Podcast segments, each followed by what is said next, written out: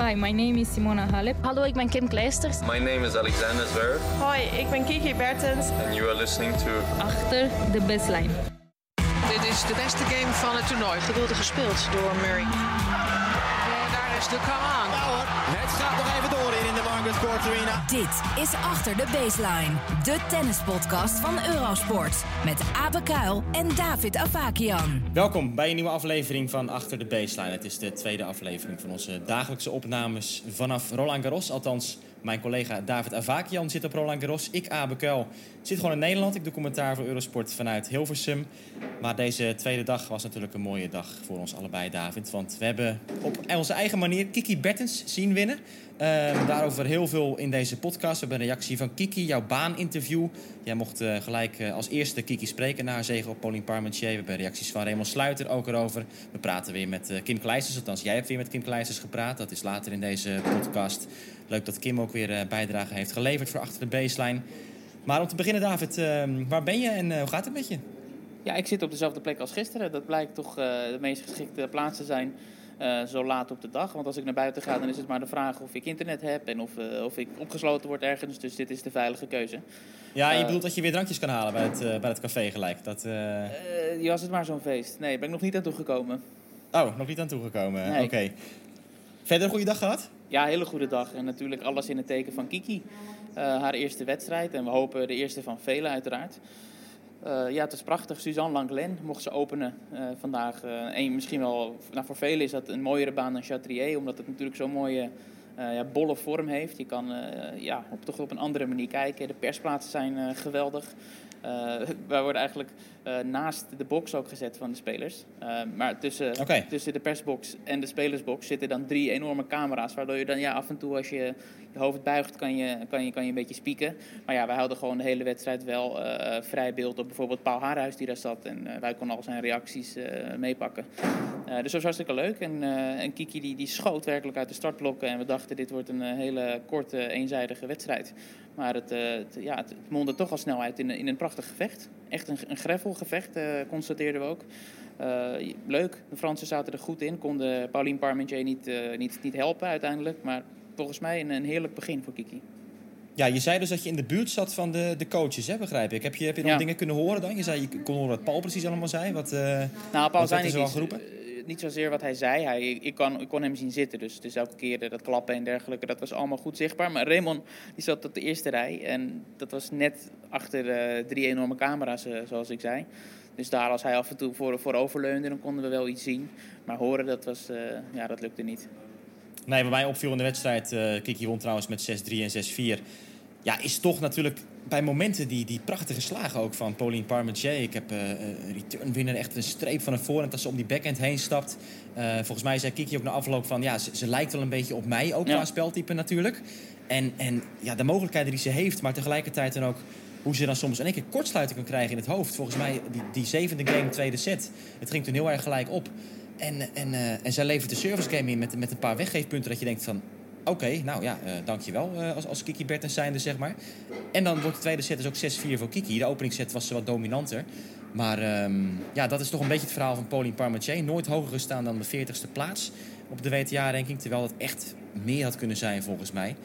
Maar uh, al met al dus een resultaat zoals we dat een beetje hadden ingeschat, denk ik. Een, uh, een, een prima start voor Kiki. 6-3, 6-4. Jij nog uh, iets aan toe te voegen daaraan? Jou nog dingen opgevallen vanaf de baan van die partij?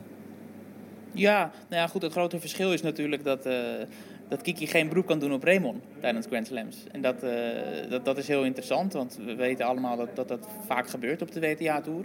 Uh, en ook vaak doorslaggevend kan zijn. Als Raymond Kiki geruststelt of, of een andere cruciale tip geeft. Ja, dat kan nu dus niet. En dat is wel een van de, van de elementen die we in de gaten moeten houden. Want ja, voor hetzelfde geld komt ze in een situatie terecht, dit toernooi, waarin ze echt, echt die hulp nodig heeft van, van Raymond. Of een, een kleine aanwijzing uh, alles zou kunnen veranderen. Ja, dat zit er nu niet in. Nee, goed voor de mensen die niet elke week naar Kiki Bertens kijken. Dat is dus die coachingsregel. Eén keer per set mag een coach de baan opkomen in de WTA-toernooien, niet op Grand Slam niveau. Dus dat is altijd een omschakeling inderdaad. Kiki, normaal gesproken uh, zien we dat gebeuren. Dat Raymond één keer per set daadwerkelijk die coaching komt geven. Um, Ik kan er één ding aan toevoegen trouwens, als je dat goed vindt. We spraken Raymond, Raymond uh, achteraf. En dat is niet het enige moment waarop uh, de coaching anders is op Grand Slams. Althans nu ook met de nieuwe status van Kiki. Maar ook tijdens trainingen is de coaching anders nu. Raymond die gaf aan, dat, nou ja, dat zullen we later Raymond zelf ook horen over eh, de toegenomen aandacht voor Kiki. Maar wat hij in de persconferentie, althans we hadden nog een persconferentie met Raymond na de wedstrijd, eh, met, met de overige journalisten. En daarin gaf hij het voorbeeld van, ja, er zitten nu heel veel mensen te kijken naar onze trainingen. En wat heeft dat voor gevolg voor mij? Dat als, als ik misschien een keer hard in wil gaan, hè, dan, dan pas ik nu wel op. Want straks neemt die iemand het op en dan staat het op social media. En dan is het weer Oké. eh, Raymond Sluiter die, eh, die, die scheldt Kiki Bertens uit. Eh, dus, dus daar is hij zich heel bewust van. Oh, apart. Oké, Ja. interessant. Nou ja, goed. Kiki won dus met 6-3, 6-4. Zoals gezegd, ja, jij bent namens Eurosport weer aanwezig ook om de baaninterviews te doen met de Nederlanders als ze winnen. Nou, Kiki heeft vandaag dus gewonnen. En laten we er maar gelijk even naar gaan luisteren. Dan Kiki Bertens in gesprek met jou na haar zege op Pauline Parmentier. Ik denk dat ik erg goed begon vandaag. Daarna zakte het wel iets in. En aan het einde werd het gelukkig wel weer iets beter. Alleen ja, het is gewoon lastig. Zo'n eerste ronde op een Grand Slam. En tegen een Française. Dus ik ben gewoon heel blij dat ik in de tweede ronde sta. Ja, een echt greffelgevecht was het, maar dat moet je wel bevallen zijn. Ja, zeker weten. Ja, ik wist het van tevoren. Eh, lange rallies, tij. Eh, ja, speelt eigenlijk een beetje hetzelfde als ik. Dus ja, dan weet je wat je krijgt. En voor, van tevoren wist ik inderdaad dat het een uh, wedstrijd zou worden. Roland Gros in een nieuw jasje, groene stoeltjes eruit, nieuwe mooie beige stoeltjes erin. Bevalt het? Uh, ja, eigenlijk wel. Ja, alles toch even een nieuw tintje. Nee, uh, ik vind het erg mooi hoe ze het hebben gedaan. Volgende ronde tegen Kuzmova, voor de derde keer dit jaar. Twee drie-setters tegen haar gespeeld, één keer gewonnen, één keer verloren met de matchpoints. Uh, ja, wat kunnen we verwachten op Greffel dit keer? Uh, ja, het is een erg lastige tegenstander. Ze speelt gewoon heel erg vol, dus als ze de ballen goed raakt, wordt het gewoon heel erg lastig. En Greffel wel iets meer mijn ondergrond natuurlijk dan, dan het haren. Dus uh, ja, maar het wordt weer een zwaar gevecht. Heel veel succes. Ja, Kiki, vrolijk gestemd. David, hoe was dat voor jou daar even de baan op? Vieze schoen aan overgehouden? Of? Ja, was leuk. Ik mocht inderdaad echt op de, op de baan staan. Uh, ik was nooit eerder op Suzanne Langlen geweest, dus dat was een mooie uh, nieuwe hoek om het uh, te, te, bekijken. Ja, Raymond Sluiter heb jij daarna ook nog gesproken. En uh, ja, wil jij dat nog introduceren, dat fragment, dat hij reageert op, op de wedstrijd? Nou ja, het is altijd leuk met, met, met Raymond. als we hem spreken met z'n allen gezamenlijk eerst. Eerst wat Raymond bijna altijd zegt is, wat zei Kiki net? Want we, hebben eerst, okay. we spreken altijd eerst Kiki en daarna komt Raymond als Kiki klaar is. En Raymond is altijd heel benieuwd wat Kiki tegen ons heeft gezegd. Uh, want zij hebben elkaar dan nog niet gesproken, want het gaat allemaal in sneltreinvaart. Kiki die gaat van de baan af, gaat douchen naar de kleedkamer, moet zelf pers doen. Dus er is nog geen evaluatiemoment. Dus Raymond die evalueert eerst met ons en daarna pas met Kiki. Uh, en dan zegt hij altijd, oké, okay, dankjewel uh, dat dit het was. En daar ben ik het mee eens of daar ben ik het niet mee eens. In dit geval was zij het er helemaal mee eens. En ja, dit zei hij. Raymond, eerste ronde van Kiki net achter de rug. Pauline Parmentier, een echte greffelwedstrijd. Hoe heb jij ernaar gekeken? Ja, uh, net zoals Kiki, blij dat ze hem uiteindelijk goed over de streep trekt. Het niveau was niet altijd even geweldig. Maar ik denk ook niet dat je dat kan verwachten in de eerste ronde van een, uh, van een Grand Slam. Waarin de situatie toch wel even veranderd is. Uh, komt hier ineens als misschien een van de vorige jaren als outsider, wat ze in mijn ogen was. Als, ja, als toch wel een van de favorieten ja, daar, kan je wel omheen draaien, maar dat heb, uh, dat heb helemaal geen nut meer. Als je dan ziet hoe ze daar zo op zo'n baan tegen een Française publiek erachter en niet echt lekker spelen. Als je dan ziet dat ze aan het eind van die wedstrijd toch de juiste dingen doet om hem over de streep te trekken, dan, uh, dan, dan, dan heb je over het niveau zoiets van, nou ja, oké. Okay. Maar de manier waarop ze met die situatie gehandeld heeft, daar, daar, daar ben ik dan blij mee. Als we dan even inzoomen toch op die wedstrijd, wat deed ze niet helemaal goed of wat was niet helemaal volgens de planning en hoe herstelde ze dat uiteindelijk? Nou ja, wat je zag was dat uh, Parmentier zat er vanaf het begin ook niet lekker in. Die, uh, die kan echt wel een hoger niveau spelen dan wat, ze, dan wat ze vandaag deed, vooral in de eerste set. Alleen ja, die mist dan veel. En ja, als je, als je een beetje voorzichtigheid in je hebt, wat Kiki wel heeft, ja, dan, dan krijgt zij onderbewust toch het gevoel dat ze met iets minder weg kan komen. Ik hoef die ballen iets minder drukvol te spelen, want meisje mist toch wel. Ja, wat je dus krijgt is dat meisje heel veel dame, vrouw, wat ik. Uh, ze is ook in die zin niet, niet, niet de jongste meer. Maar die, die kan dan veel ballen lekker gaan slaan. Weet je wel? En in plaats van dat ze onder druk gezet wordt, kan ze echt gewoon lekker ballen gaan slaan.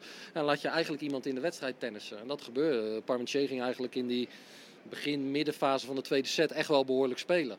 Uh, goed van haar, maar dat kwam ook wel echt door, doordat Kiki minder ging doen. En dan is het fijn om te zien hoe ze zelf schakelt en zoiets heeft van ja, oké, okay, als dit zo doorgaat, dan, dan geef ik haar te veel kans. Moet echt zelf wat meer doen en dat was, uh, dat was prettig. Kuzmova, volgende ronde, heeft er twee keer tegen gespeeld. Twee keer op hardcourt, matchpoint gehad, verloren. Weer drie sets in Miami, toen won ze wel. Nu op gravel, dat kan alleen maar een voordeel zijn. Nou ja, ze speelt zelf gewoon graag op gravel, dus dat, dat vindt ze lekker. We weten in ieder geval wat we krijgen. En het is in ieder geval iemand waar tegen je zelf echt moet drukken, want anders heb je, anders heb je een probleem. Dus het geval van, oké, ik ga maar ballen terugbrengen, dat, dat zal ze gevoelsmatig zal ze dat minder snel hebben tegen Kuzmova. Ja, Raymond Sluiter dus over die wedstrijd uh, van Kiki Bertens. De eerste horde genomen voor Kiki. Er zijn er nog 60 aan. Dat is Ja. een, uh, een flink parcours. Ja, zeker. En dus ook al vooruitgeblikt eh, aan het einde op de volgende wedstrijd tegen Victoria Kuzmova.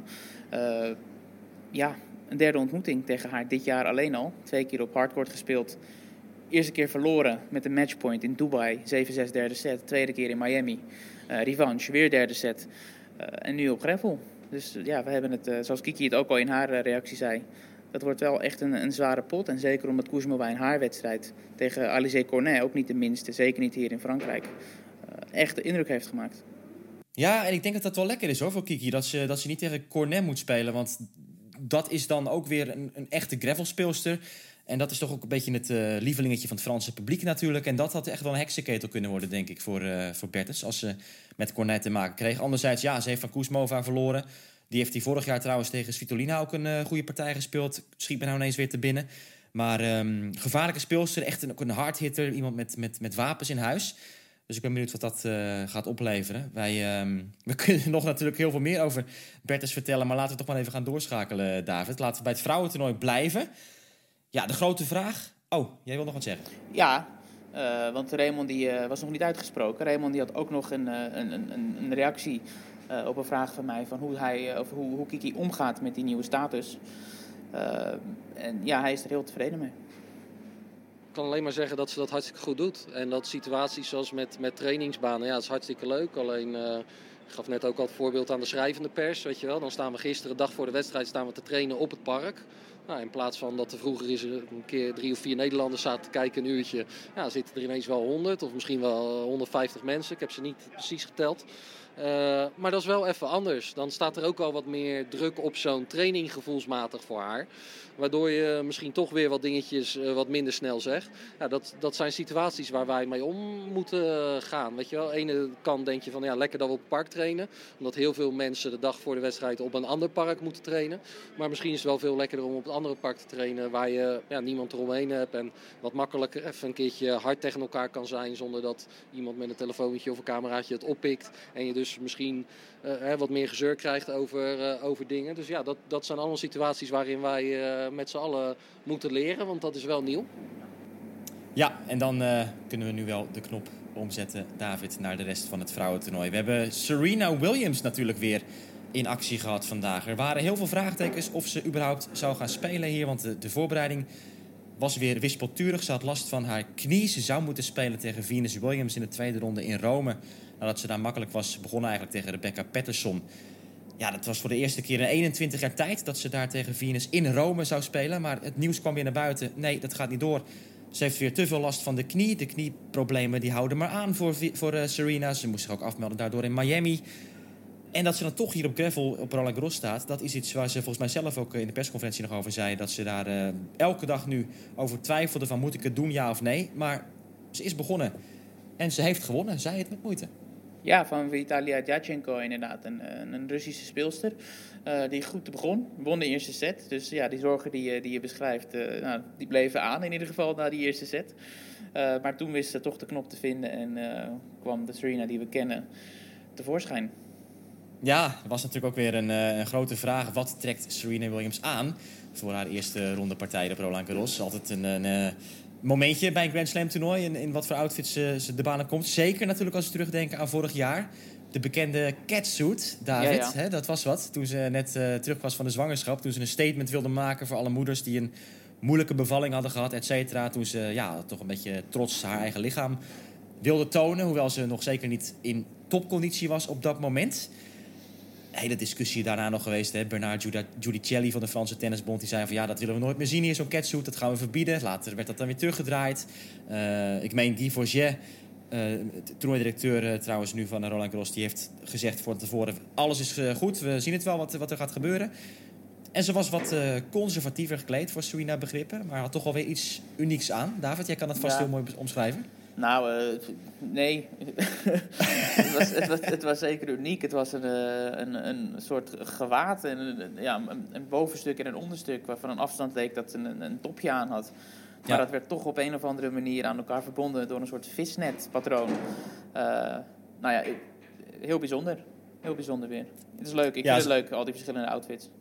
Zeker, zeker. En eh, ja, ze moest echt inkomen. Diachenko, gevaarlijke speelster ook, die, die echt heel agressief speelde in de opening set. Serena probeerde dat zelf ook te doen, maar miste vooral heel veel returns in de opening set die ze verloor. En ja, aan het eind van zo'n set dan zie je dus, dan probeert ze natuurlijk al die energie weer eruit te krijgen. Die positieve energie, die luide commands die we kennen van Serena.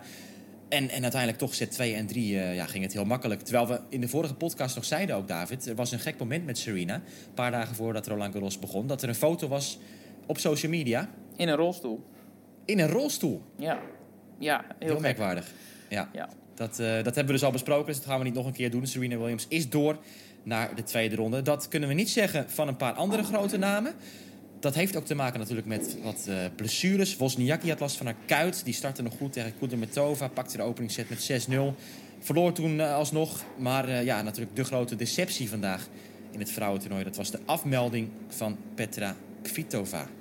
Ja, dat is al vroeg op de dag. eh, ja, toch eh, la- last van haar eh, linker voorarm. Een kleine scheur heeft ze erin. En natuurlijk, we kennen Kvitova als tweevoudig Wimbledon-kampioene. Dus dat zal zeker in de, in de afweging meegespeeld hebben om hier wel of niet te verschijnen. Want Wimbledon staat voor de deur. En ze heeft twee à drie weken nodig, begrijp ik, om daarvan te herstellen. Dus Ja, Ja. twee tot drie weken rust en dan moet ze dus weer gaan Ja. trainen. Dus ja, dan moet alles goed vallen. Wil ze echt goed kunnen voorbereiden op Wimbledon. Dus Ja. hopelijk gaat dat wel door. Dat ze niet ook daarvoor moet afhaken. Want zij heeft natuurlijk al een fantastisch jaar gehad. Eh vol strijdend voor de nummer één positie ook. Ja, dat gaat dan hier niet gebeuren.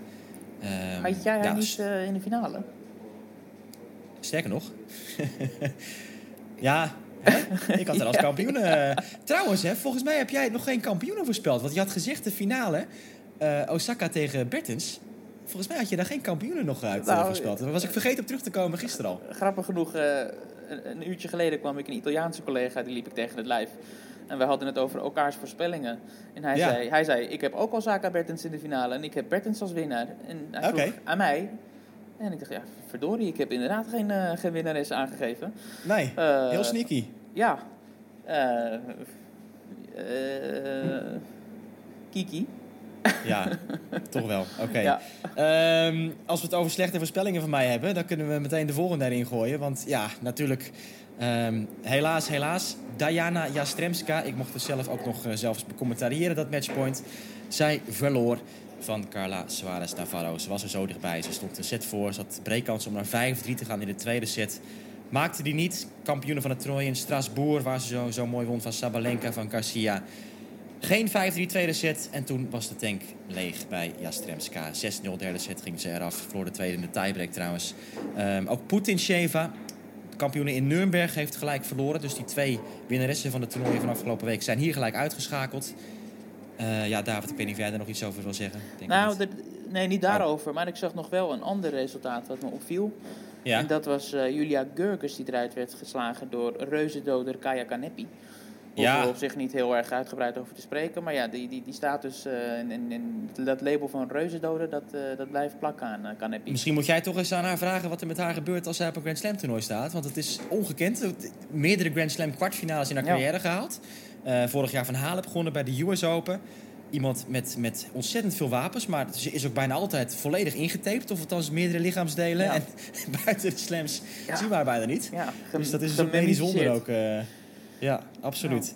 Ehm, Bianca Andreescu wil ik noemen. Zij is weer terug. Zij is er lang uit geweest vanwege schouderproblemen.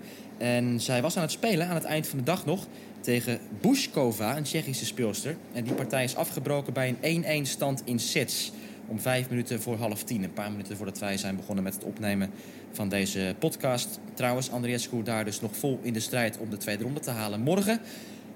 Ja, wordt nu natuurlijk weinig over gesproken. Maar zij was wel fantastisch in eh, Amerika eerder dit jaar. Ze won Indian Wells. En eh, ja, toch interessant Ja. om te zien of zij ver kan komen. Ja, en, en, en nou ja, de er wordt vooral heel erg uitgekeken naar een, een potentiële ontmoeting met Serena Williams.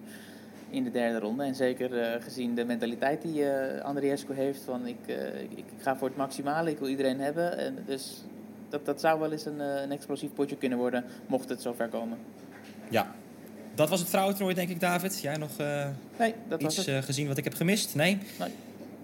Dan gaan we door naar de mannen. En dan, eh, ja, dan komen we natuurlijk vanzelf uit bij dat waanzinnige programma op het Cours Philippe Châtrier vandaag. De nummers 1 en 2 van de wereld bij de mannen, die stonden achter elkaar geprogrammeerd.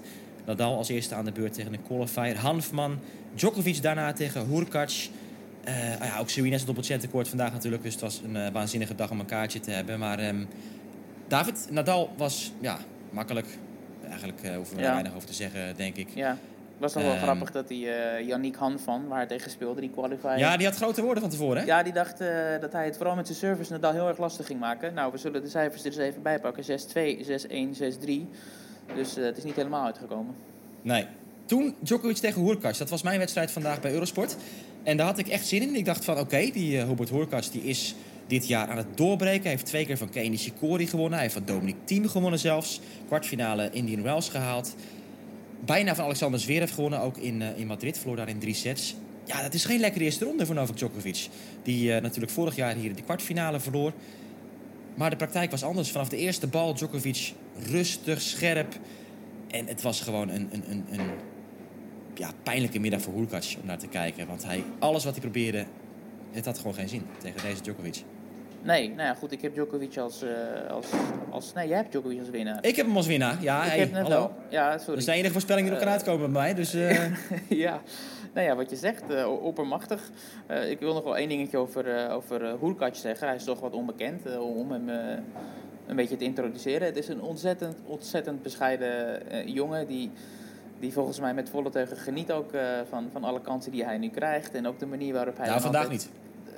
Nou ja, nee, maar ik bedoel meer te zeggen van het is voor hem een eer. Je merkt aan alles aan hoe hij zich eh, gedraagt dat hij echt, eh, echt, echt geniet van zijn eh, leven als, als, als proftennisser. Ook als hij van de baan afgaat, altijd ontzettend nederig, altijd uitgebreid applaus en dank, bedankjes richting het publiek.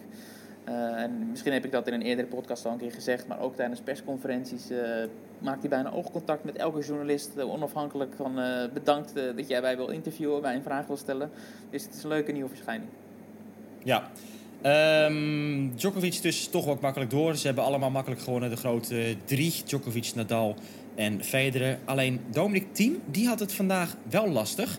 Die speelde tegen Tommy Paul, een wildcard-speler uit Amerika. Ja, op papier denk je dan, eh, ja, geen probleem voor Dominic Thiem. eh, nummer 131 van de wereld. 22-jarige speler eh, die we nog niet zo goed kennen. Maar Thiem had het echt lastig. Het was 1-1 in sets. En het werd 4-0 in de tiebreak van de derde set voor Tommy Paul. Ja, die werd toen een beetje zenuwachtig. Miste een paar ballen die hij niet had hoeven missen. Team wint die tiebreak in set 3 en gaat daarna eroverheen. Was nog net voor het donker klaar. Maar dat is dus eh, de ja, toernooifavoriet die het dan het moeilijkste heeft gehad in zijn eerste ronde partij. Ja, en ja, wat dan toch bij mij leeft is... Kijk, die wordt voortdurend genoemd als, als titelfavoriet en eh kroonprins.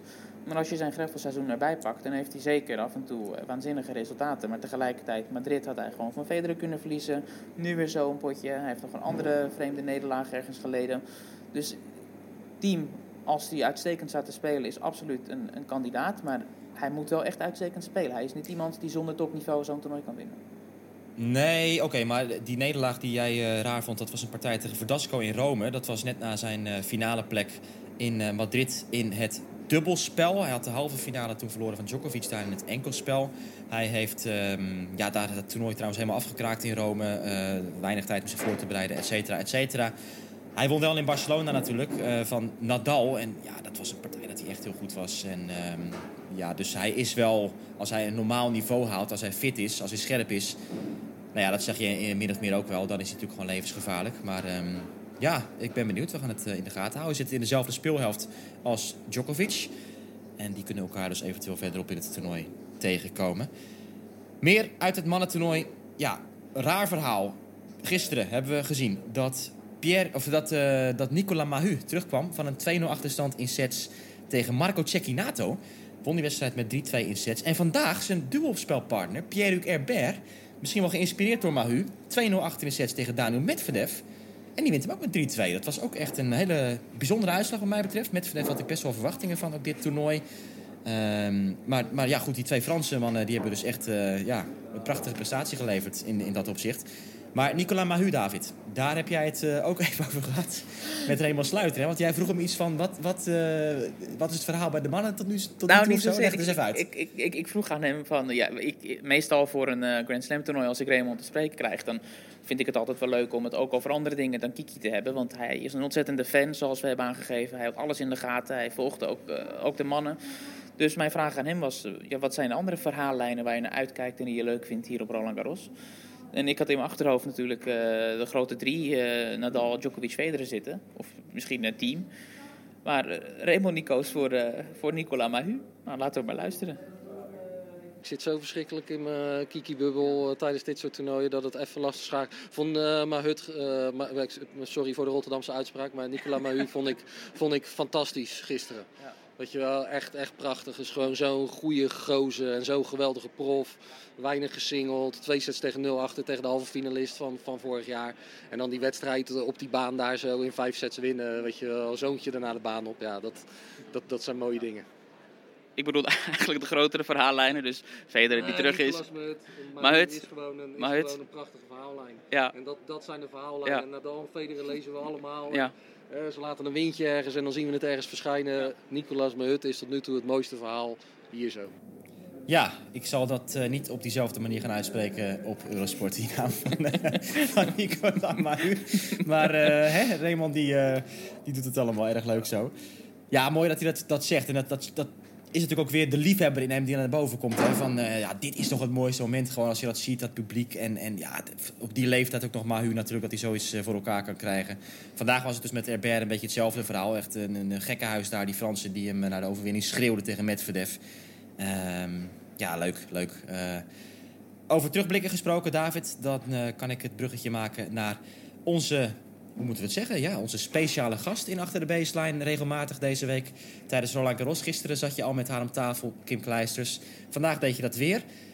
Maar wat zag ik nou allemaal op social media, eh, David? Eh, Ja. Voor het interview met, met Kim, wat, wat moest er allemaal gebeuren met je? Ja, ik moest in de make-up voor het eerst. In de make-up, In de make-up, ja. Dat, voor ja, een dat- podcast. Dat, is, Dat moet je even uitleggen. nou ja, het is dus niet alleen voor de podcast. Eh, in, in het Eurosport pand met de verschillende studio's, ja, als dat, als dat vrij is. Want er zijn natuurlijk allerlei eh, legends en Eurosport bestaat natuurlijk niet alleen uit Eurosport Nederland. eh, alle landen die hebben daar afgevaardigden. Eh, maar ja, vaak genoeg is die studio gewoon vrij. Dus ja, als Kim beschikbaar is, als ik beschikbaar, beschikbaar ben, ja, dan, dan nemen wij het interview gewoon op in de studio. En dit keer ook met, met de camera's erbij. Nou ja, Kim die gaat heel uitgebreid dan in de make-up, maar ja, ik, ik ontkwam er toch ook niet aan. Dus dat is wel een bijzondere ervaring. Ja, Eh, nou, dit is een, eh, hè, die, die foto is ook op eh, onze, onze Twitter verschenen. het ADB podcast. Dus als mensen David mooi in de make-up willen zien, dan, dan kunnen ze daar terecht. Ja. Ehm, het interview met Kim Kleisters, inderdaad. Ja, jij sprak over allerlei zaken, maar het was eigenlijk een soort terugblik op de eerste twee dagen van het toernooi. Dus laten we daar maar naar gaan luisteren. Kim, we naderen het einde van dag 2 op Roland Garros. Er is veel gebeurd. Kiki Bertens is ook door naar de tweede ronde. Maar wat is jou vooral opgevallen? Ehm, ik moet zeggen dat eh, de manier waarop dat Svitolina eh, Venus Williams hier verslaan heeft in de eerste ronde, vond ik heel indrukwekkend. Ehm, stond heel goed te tennissen en ehm, ja, ik vond het ja, beste tennis dat ik van haar al gezien heb. Dus eh, ze wordt niet echt omschreven als een van de favoriete speelsters hier, eh, of als de, de winnaresse, potentiële winnaresse. Maar ehm, voor mij, ja, ik vond toch dat zij iemand is die, eh, die er wel een grote kans gaat maken, na, na wat ik gisteren gezien heb. Ja. Ook Kiki Bertens, zoals ik zei, is door naar de volgende ronde.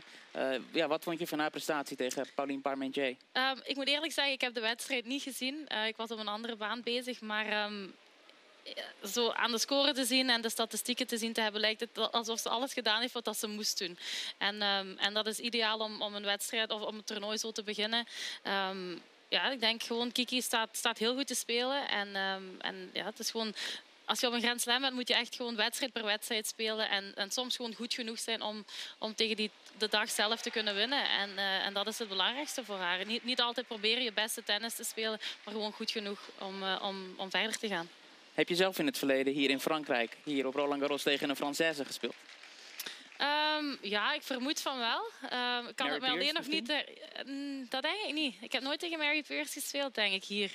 Maar ehm, maar uh, vorig jaar in de Legends dubbel tegen Amélie Mauresmo en Nathalie Dechy. Um, daar speelde ik wel met een Française, maar hadden we wel uh, ja, toch wel veel mensen tegen ons, moet ik zeggen. Dus um, het is een heel speciaal sfeertje om hier in, in Parijs tegen een, uh, een Franse te spelen. En ja, het is iets heel uniek, maar dat maakt het natuurlijk ook speciaal op die manier. Er wordt natuurlijk veel gesproken over alle toppers, of het nou bij de vrouwen is of bij de mannen. Maar zijn er in de schema's, zowel bij de mannen als de vrouwen, een aantal namen waarvan je denkt dat die wel onderschat worden, maar toch grote dingen kunnen laten zien?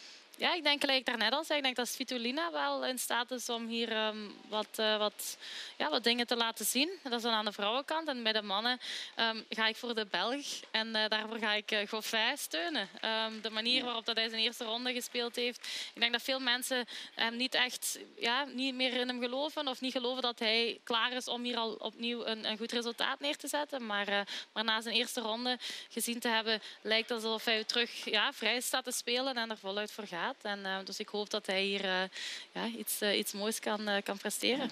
Wat heb je nodig om Roland Garros te kunnen winnen? Wat heb je nodig? Ja, uiteraard, je hebt talent nodig. Maar ik denk het belangrijkste is ook een beetje geluk. Uh, om een Grand Slam te winnen heb je soms wel eens een wedstrijd dat het wat moeilijker gaat. Of, maar je moet wel, alles moet op de juiste plaats vallen. Um, je moet hard blijven werken. Je moet kunnen omgaan met de druk. En je moet, maar, um, maar ik denk een beetje geluk, dat is er ook altijd bij. En, uh, en dat dwing je af op een bepaalde manier ook wel. Maar um, ja, alles moet op de juiste plaats vallen. Een aantal toppers hebben al gespeeld. Federer die heeft gisteren gespeeld. Nadal heeft vandaag gespeeld. Djokovic ook gewonnen. Hoe zie je, hoe zie je hun niveau op dit moment? Ja, ze staan, uh, die mannen staan heel goed te tennissen. Hè. Roger ook. Het is, uh, het is leuk om hem terug te zien hierna. Ik denk sinds 2015 hier niet meer gespeeld te hebben.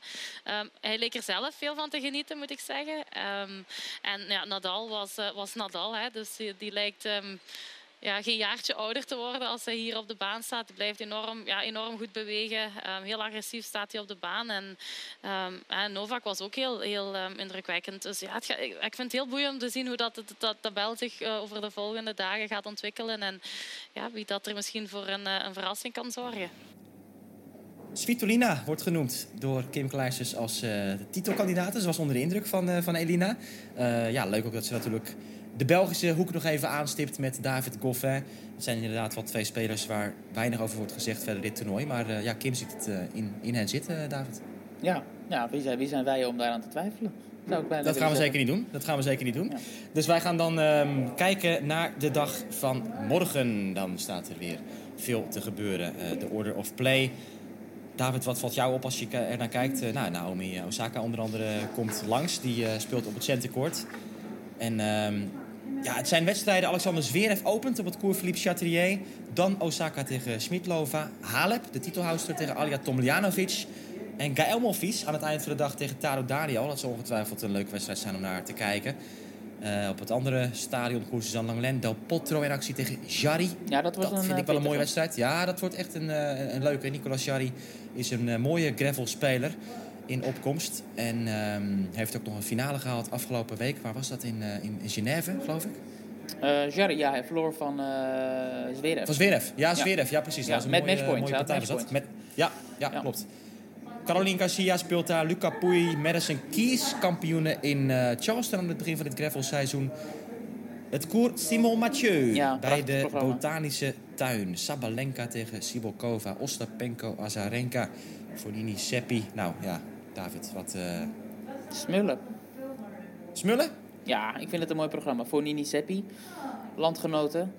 Uh, ja. ja, Ostapenko Azarenka hebben wij in de vorige podcast uh, aangekondigd als een van de, dan wel de uh, eerste ronde partijen. De meeste ja, nog steeds uh, eerste rondewedstrijden ja, inderdaad, voor ja. duidelijkheid. Het is dag drie van het toernooi, maar dat, uh, ja, dat gaat zo hier in, ja. in Parijs, met we op zondag al beginnen. Ja, en ook Sabalenka, de harde klappen tegen de, de snelle benen van Sibulkova.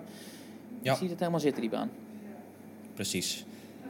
Nou, dat was weer een, uh, een mooie aflevering, denk ik zo, uh, David. Uh, jij kan nog weer een drankje bestellen, volgens mij. Want, oh nee, ze gaan dicht. Het is tien uur inmiddels. Het is tien, tien uur geweest, ja.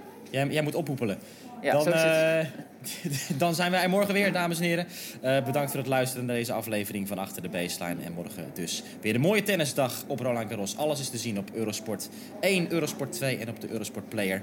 En in de avond zijn wij er weer om de dag door te nemen in deze podcast Achter de baseline. Graag tot morgen.